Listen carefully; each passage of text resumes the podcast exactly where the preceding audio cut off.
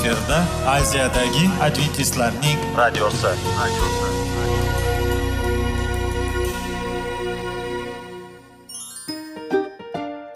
Assalomu alaykum aziz radio tinglovchilar. Sog'liq daqiqasi rubrikasiga xush kelibsiz. Zero tananing sog'lom bo'lishi va uning kasalliklardan saqlash har bir insonning burchi hisoblanadi. Inson uchun bebaho boylik bu sog'liq salomatlikdir. Uni asrash esa har birimizga omonat qilib berilgan. Shuning uchun ham inson o'z sog'lig'ini ehtiyot qilishi voajib amallardan hisoblanadi. Dono xalqimiz sog'liq tuman boylik deb bejiz aytmagan. Aql idroq sohibi bo'lgan inson o'z hayotini qadrlashi lozim bo'ladi. Hozirgi kunda qanchalik dori darmonlar ko'paymasin tibbiy muassa sifati shifokorlar vasiyasi tibbiy texnika yaxshilanmasin.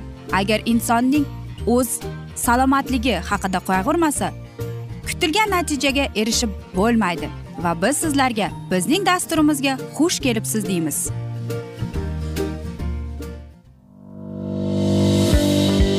Sog'liq daqiqasi soliqning kaliti qiziqarli ma'lumotlar faktlar. Har kuni siz uchun foydali maslahatlar. Sog'liq daqiqasi rubrikasi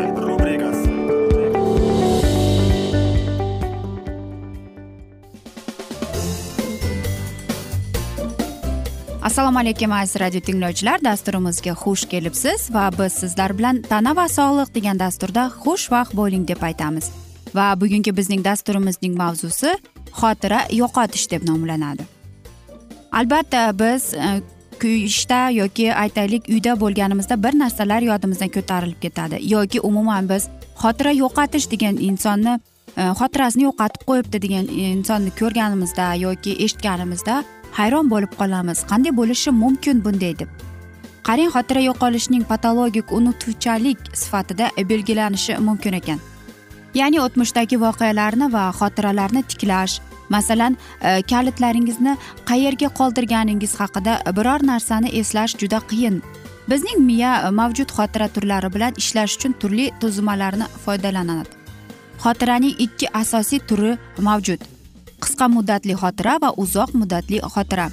Xotira har kuni ikki turdagi disfunksiyalar bo'lishi mumkin bo'lsada biz uzoq muddatli e, deklarativ xotira e, qaratiladi. Qisqa muddatli xotira qisqa vaqt davomida cheklangan miqdordagi ma'lumotni saqlaydi. Uzoq muddatli xotira uzoq vaqt davomida katta hajmdagi murakkab ma'lumotlarni saqlaydi. Bu odatda xotira deb ataladi o'z navbatida uzoq e, muddatli ikki turi mavjud. Non e, deklarativ yoki shubhasiz xotira. Ya'ni buni aytishadiki yana velosport haydash deb. Va deklarativ yoki aniq xotira biz atrofda e, dunyoda haqida qanday tajriba yoki bilim eslash uchun miyamizni ishlatamiz? Masalan mening e, ismim qanday? Men kalitlarni qayerga kim mening mamlakatimda ishlaydi? Nima besh daqiqa yoki bundan oldin sodir bo'lgani haqida. Agar biror narsani unutib qolsak odatda xotirani o'zidan o'zini yo'qotamiz. Ammo miyamiz eslashga urinayotgan narsalarga yo'l topa olmaydi. Bu albatta patologik e, xotira yo'qotish deb ataladi ya'ni amneziya deyiladi. Bu yerda xotira yo'qotishning e, ba'zi bir alomatlari bor ekan.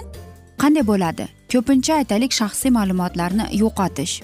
To'g'ri so'zlarni topish suhbat davomida takroriy savollar berish yoki shu bir voqeani bir necha marta aytib berish agar biror narsani qilgan yoki yo'qligini unutib e, bunday dori sifatida bu albatta dizantiral deyiladi. E, yoki tanish joylarda yo'qolganini olishingiz kerak. Haftaning yil yoki kunini aralashtirmang. Uchrashuvlar yoki voqealar haqida unuting. Qiyinchilik e, qarorlar qabul qilish yoki quyidagi ko'rsatmalarga ega bo'lish kerak. Xotira yo'qolishi ikki shaklda e, sodir bo'lishi mumkin. Bu vaqtinchalik va doimiy xotira yo'qotilishi. O'tkinchi yoki vaqtinchalik xotirani yo'qotilishi xotiramizga bir qancha vaqtdan so'ng qayta tiklanadigan axborotni vaqtincha unutish. Agar biz ismimizni eslolmay olmasak keyin uni bir soatdan keyin eslaymiz. Yoki ertalab uyg'onib va spirtli ichimliklar ichishdan oldin nima bo'lganini eslolmasak bu vaqtinchalik xotira halokati deb hisoblanadi. Doimiy yoki doimiy xotira yo'qotish e, bu saqlab qolish emas deydi. Biz eslash olmasligimiz mumkin. Qarangki doimiy yoki har doimgini uni yo'qotib uni qanday qilib tiklashmiz miya ishlashi uchun suv va kislorodning yaxshi ta'minoti bo'lishi muhim ekan. Shuning uchun siz qon tarqalishini va muloyimlik bilan qon aylanishini rag'batlantirishingiz mahsulotlariga e'tibor qaratishingiz kerak. Antioksidantlar miyani qarishdan himoya qiladi. Aminokislotalar va uglevodlar esa uni oziqlanishini ta'minlaydi. B vitaminlari c e vitaminlari va omega uch yog' kislorodi yod selin va fosfor kabi elementlari ham miya funksiyasi uchun muhimdir. Sabzi sharbati bilan xotirangizni yaxshi bo'ladi. Sabzi sharbati vitamin va antioksidantlar bilan boy bo'ladi. U antiallergik yalliqlanishga qarshi ta'sirga ega. Luteon o'z ichiga oladi. Luteonning va immunomodulyator ta'siri ham hisoblanadi. Tabiiy modda nafaqat tananing qarishini e, oldini oladi balki dissimans yoki skleroz kabi bir qator kasalliklarni davolashga yordam beradi. Lavlagi sharbati ham xotira uchun muhim ahamiyatga ega chunki bu yoshlarni saqlab qolish uchun yordam beradi. Haqiqiy eliksir desak ham mumkin. Sharbat yuqori qon bosimini pasaytiradi gemoglobin darajasini oshirib oshqozon ichak trakti uchun eng foydali hisoblanib keladi. Ichimlikning qarama qarshi xususiyatlarga e, ega bo'ladi. Ya'ni unda tabiiy nitrat kislotasi bor. Tuzlari hamda antioksidantlarning ko'pligidir. Tadqiqot davomida olimlar lavlagi sharbatidan to'g'ri foydalanish qon tomirlarini kengaytirib qon oqimi jarayonini normallashtiradi bu esa organizm hujayralarining kislorod bilan e, to'yishini yaxshilaydi. Tadqiqotchilar shuningdek e, gipertoniya progressiv qarshi himoya miya faoliyatini oshirish ijobiy ta'sir ko'rsatadi deb da'vo qilishadi. Tadqiqotlar shuni ko'rsatdiki bananlarda taniqli dofamin narapinefrin va stereotin mavjud bo'lgan biogenik aminlar mavjud ekan. Ushbu moddalar miyada muhim rol o'ynaydi va uning faoliyatini oshirib keladi. Va qarangki olma sharbatidagi tarkibida bir qator moddalarning ta'siri e, bu altsgeymer kasalligini davolashda ishlatadigan dorilar ta'siriga o'xshaydi. Bu haqda bizda massachusets universitetining ekspertlari ma'lum qilmoqda. Sog'lom odamlarda olma sharbati iste'mol qilish xotira ko'rsatkichlarni yaxshilash mumkin ekan. Aziz do'stlar mana shunday o'ylaymanki sizlarga foydali va mamnunli dastur bo'ldi deb va siz foydalanasiz deb va biz esa afsuski bugungi dasturimizni yakunlab qolamiz chunki dasturimizga vaqt birozgina chetlatilgani sababli. Ammo lekin keyingi dasturlarda albatta mana shu mavzularni yana o'qib eshittiramiz. Va aziz do'stlar sizlarda savollar tug'ilgan bo'lsa biz sizlarni salomat klub internet saytimizga taklif qilib qolamiz va biz umid qilamiz siz bizni tark etmaysiz deb chunki oldinda bundanda qiziq bundanda foydali dasturlar kutib kelmoqda. Va biz sizlarga va yaqinlaringizga sog'lik salomatlik tilab o'zingizni ehtiyot qiling deb xayrlashib qolamiz.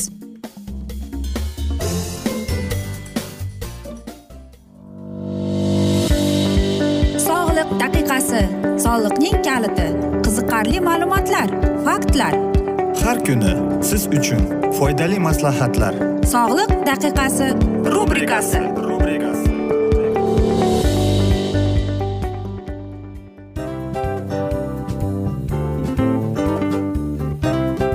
Mana ha hayotda hamma narsaning yaxshi narsalar tugaydi va yakunlaydi degandek bizning dasturimizga ham yakun keldi. O'ylaymanki bizning dasturimiz sizga foydali bo'ldi deb aziz radio tinglovchimiz. Va siz o'zingiz uchun kerakli xulosalar kerakli maslahatlar olib oldingiz. Aziz radio tinglovchimiz biz bilan qoling va keyingi dasturlarimiz albatta undanda qiziqroq bo'ladi. Mana shu alfozda sizlar bilan xayrlashib qolaman.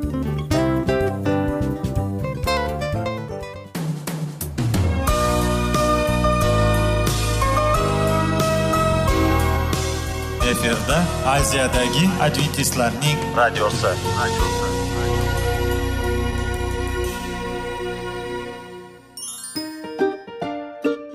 Assalomu alaykum aziz radio tinglovchilarimiz. Dil izhori dasturimizga xush kelibsiz. Pul insonni baxtli qiladimi? Albatta yo'q. Sog'liqchi?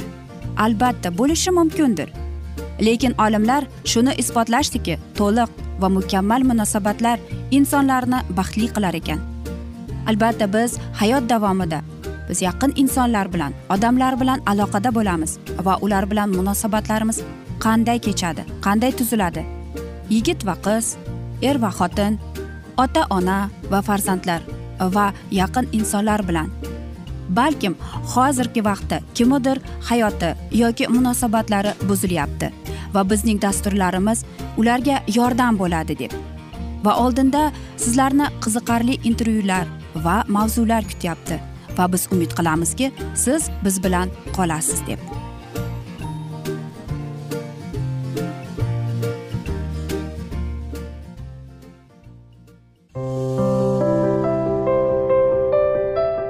Har kuni har xil kasbdagi odamlar bilan sirlashish va bo'lishish sevgi rashq munosabat. Bularni hammasi dil izhori rubrikasida.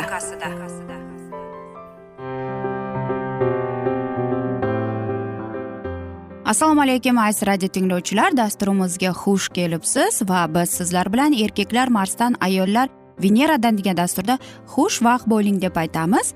Va bugungi bizning dasturimizning mavzusi nikohdagi nizolar deb nomlanadi. Albatta har bir oilada nizolar bo'lib chiqadi lekin ularning sabablari nimada? Bugungi dasturda biz mana shu savollar mana shunday javob berishga harakat qilib ko'ramiz. E, birinchi nikohdagi nizo bu albatta munosabatlardagi pauza bo'lar ekan. Ya'ni siz janjallashib qoldingiz va albatta bir ikki kun indamay yuraverasiz.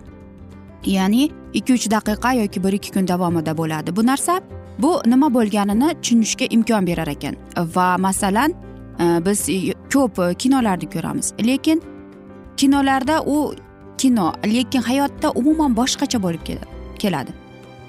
Ya'ni yuzma yuz ya'ni e, aytaylik faqat odam bilan shug'ullanish hech qachon vositachi sifatida hech kimni foydalanish ayniqsa eng yaqin do'stlaringizdan yo'l qo'ymang deymiz.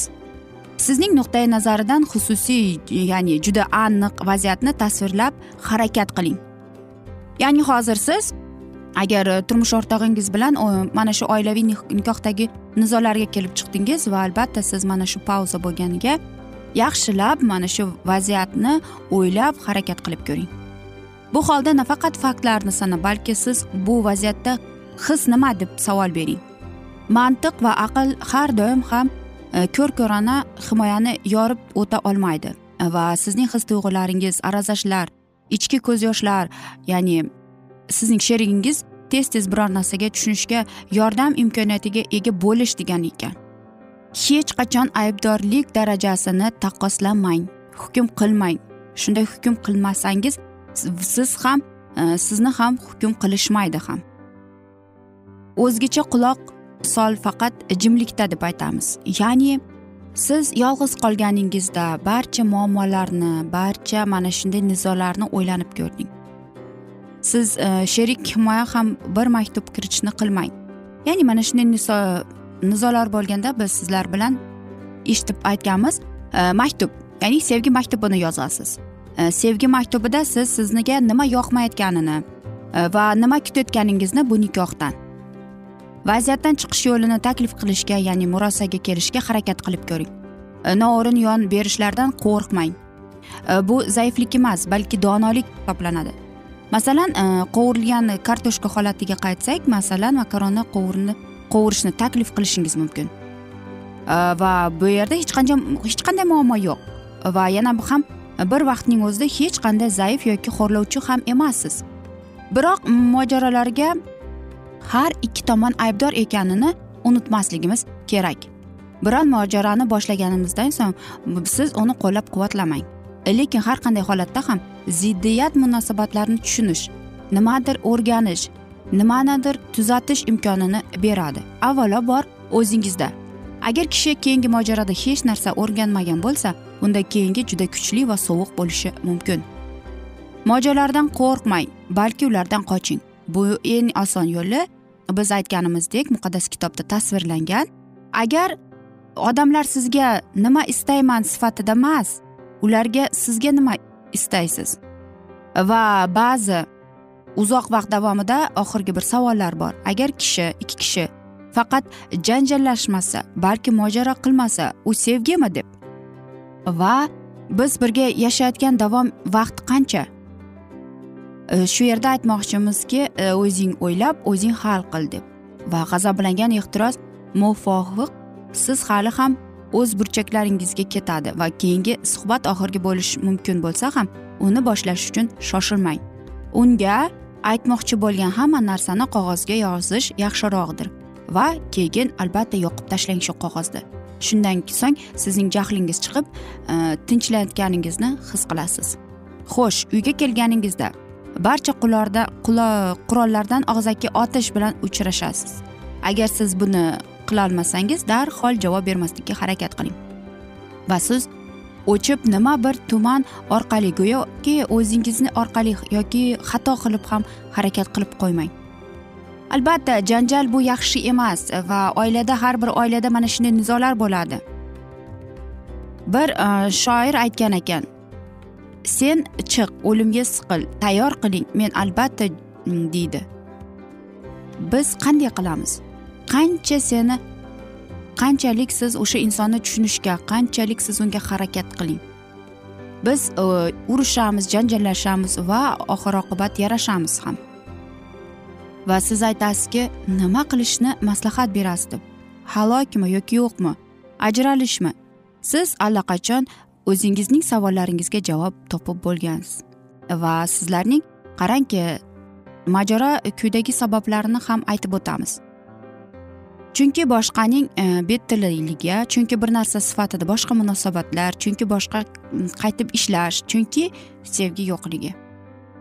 Va klassik mojaroga qaytishimiz va unga tahlil qilishimiz mumkin. Bu er va xotinning birinchi iboralari va ularning bir biriga tegishli munosabatlari bilan boshlanadi. Xo'sh qanday qilib va qachon joylashishimiz mumkin? Qanday qilib biz nizolarni hal yoki bo'lma hech bo'lmaganga bizning salbiy namoyon olib kelishini tashlashimiz mumkin? Buning yo'llari ko'p. Avvalambor bu siz o'zingizning savollaringizga o'zingizni mana shunday nizolar nimadan kelib chiqqaniga yaxshilab o'ylanib ko'rish. Aziz do'stlar biz esa mana shunday asnoda afsuski bugungi dasturimizni yakunlab qolamiz. Chunki dasturimizning vaqti birozgina chetlatilgan e, lekin keyingi dasturlarda albatta mana shu mavzuni yana o'qib eshittiramiz. Va biz umid qilamizki siz bizni tark etmaysiz deb chunki oldinda bundanda chiroyli va foydali dasturlar sizni kutib kelmoqda. Biz sizlarga va oilangizga sog'lik tilagan holda xayrlashib qolamiz.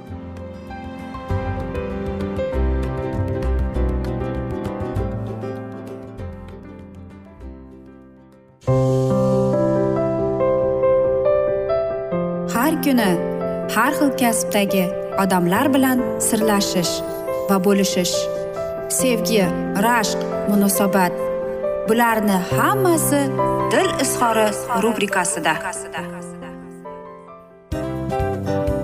Mana aziz radio tinglovchimiz bizning go'zal va foydali va chiroyli dasturimiz yakunlanib bormoqda. Sizlarga birozgina maslahat berib o'tmoqchi edik. Bir biringizni seving. Qadringizga yeting. Va erkalang albatta bir biringizni va sizga judayam chiroyli va mustahkam munosabatlar tilab qolamiz albatta. Sevgilingiz doimo yoningizda bo'lsin. Mana shu borada sizlar bilan xayrlashib qolamiz. Xayr.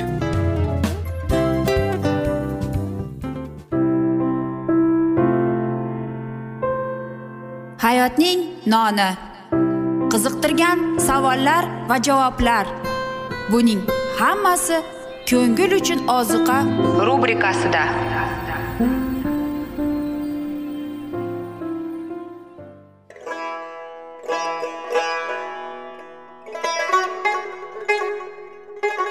Assalomu alaykum aziz radio tinglovchilarimiz.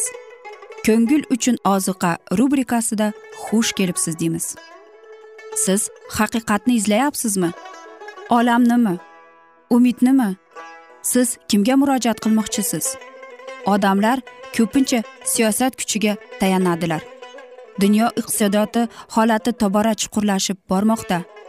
Tabiiy ofatlar va texnogen halokatlar minglab insonlarning hayotini olib ketib juda katta zarar yetkazmoqda. Sizga abadiy hayot inomini hadya qiluvchi va hayotingizni tubdan o'zgartiruvchi haqiqatni izlab toping. Xudo haqidagi haqiqat uning kalomida mujassamlashgan. Kimki bu haqiqatni butun qalbi bilan izlasa albatta unga yetishadi. Bu sevgi xudoning tarixidir. Hayotingizda yoki sizning yon atrofingizdagi olamda nimalar yuz berishidan qat'iy nazar? Siz ertagi kunga buyuk umid va ishonch hosil qilishingiz mumkin. Hozirda xudo sizga taklif qilayotgan umid ishonchga o'z qalbingizni oching va sizni qiziqtirayotgan mavzularni savollaringizga javoblaringizni topib olasiz deb umid qilamiz. Biz bilan qoling.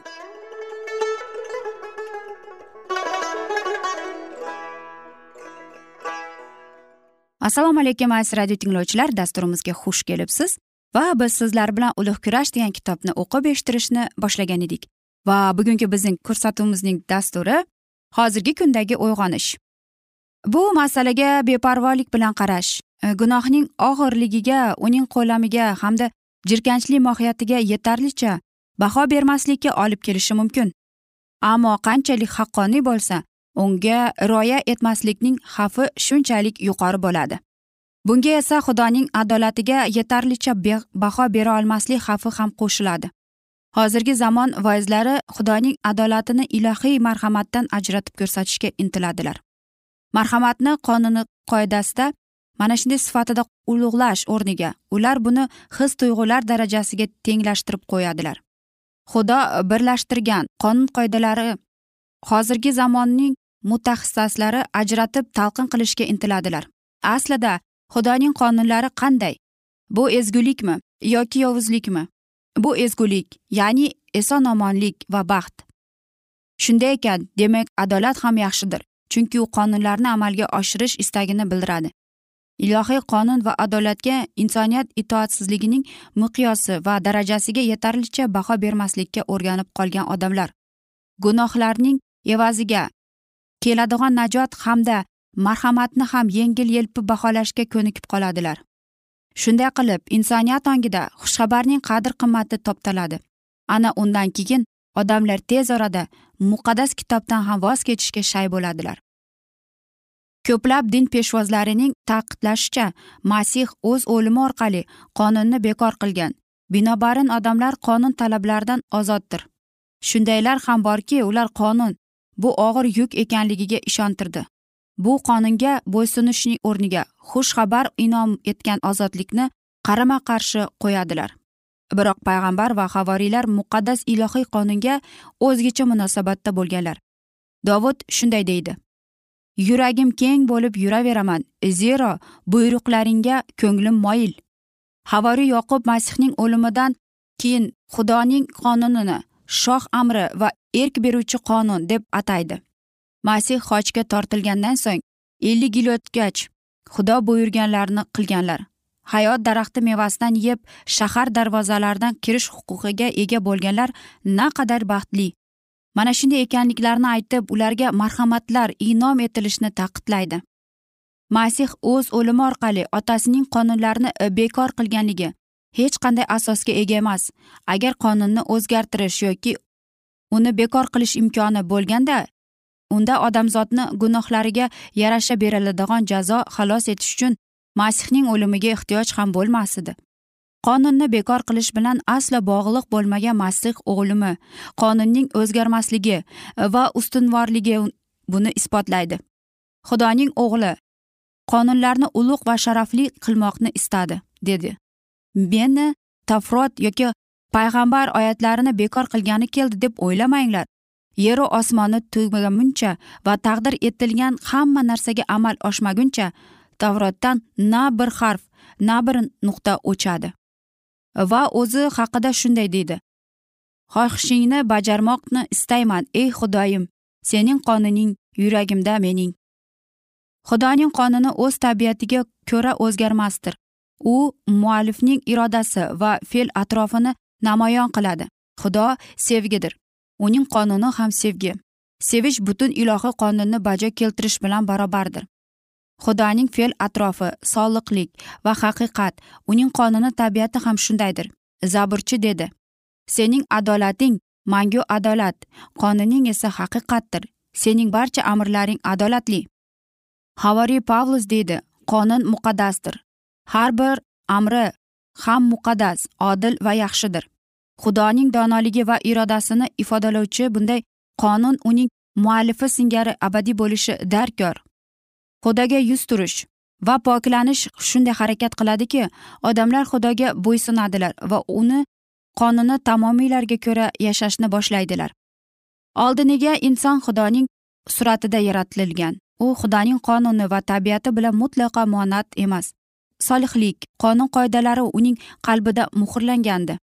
Ammo gunoh uni yaratuvchidan uzoqlashtirib ajratib yubordi va inson o'zida ilohiy timsolni namoyon qilmay qo'ydi. Uning qalbi xudo qonun qoidalariga qarshi urush e'lon qildi. Bashariy tabiatning murod maqsadi xudoga dushmanlikdir chunki bunday tabiat xudoning qonuniga itoat qilmaydi hamda qila olmaydi. Biroq insonni xudo bilan yarashtirish uchun xudo dunyoni shunchalik sevdiki hattoki o'zining yolg'iz o'g'lini berdi. Masihning xizmati tufayli inson o'zining yaratuvchisi bilan o'zaro monandlikni tiklash imkoniga ega bo'ldi. Uning qalbi xudoning huzur halovati bilan yangilanishi lozim. Har bir kimsa yuqorida hadya etilgan yangi hayotni qabul qilmog'i darkor isoning aytishiga ko'ra inson xudoning shohligini bunday o'zgarishsiz ko'rolmaydi aynan mana shunday o'zgarish ikkinchi bor tug'ilishdir. Xudo bilan birga yarashishga qo'yilgan birinchi qadam bu gunohni tan olishdir. Gunoh bu qonunsizlik demakdir va ilohiy qonun insonga o'z gunohligini yanada aniqroq ko'rsatadi. Gunohkor o'z gunohini anglash uchun o'zini xudo solihning buyuk mezmoni ekanligini his etishi lozim. Xudoning sohliqi bu solihlik fe'l atrofning mukammalligini aks ettiruvchi hamda insonga o'zining kamchiliklarini ko'rishga imkon beruvchi kuzgudir. Aziz do'stlar mana shunday asnoda biz afsuski bugungi dasturimizni yakunlab qolamiz chunki bizning dasturimizga vaqt birozgina chetlatilgani sababli. Ammo lekin keyingi dasturlarda albatta mana shu mavzuni yana o'qib eshittiramiz. Va sizlarda savollar tug'ilgan bo'lsa biz sizlarni adventis tochka ru internet saytimizga taklif qilib qolamiz. Va albatta sizlarga va yaqinlaringizga tinchlik tilagan holda xayrlashib qolamiz.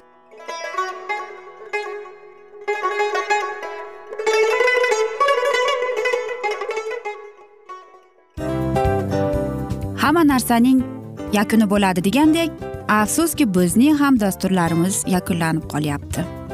Va biz o'ylaymizki bizning dasturimizdan o'zingiz uchun kerakli va foydali maslahatlar olib oldingiz. Sog'liq borasida sizga foydali maslahat berganmiz deb umid qilaman albatta. Va sizlarga mana shu borada sog'liq tilab qolaman.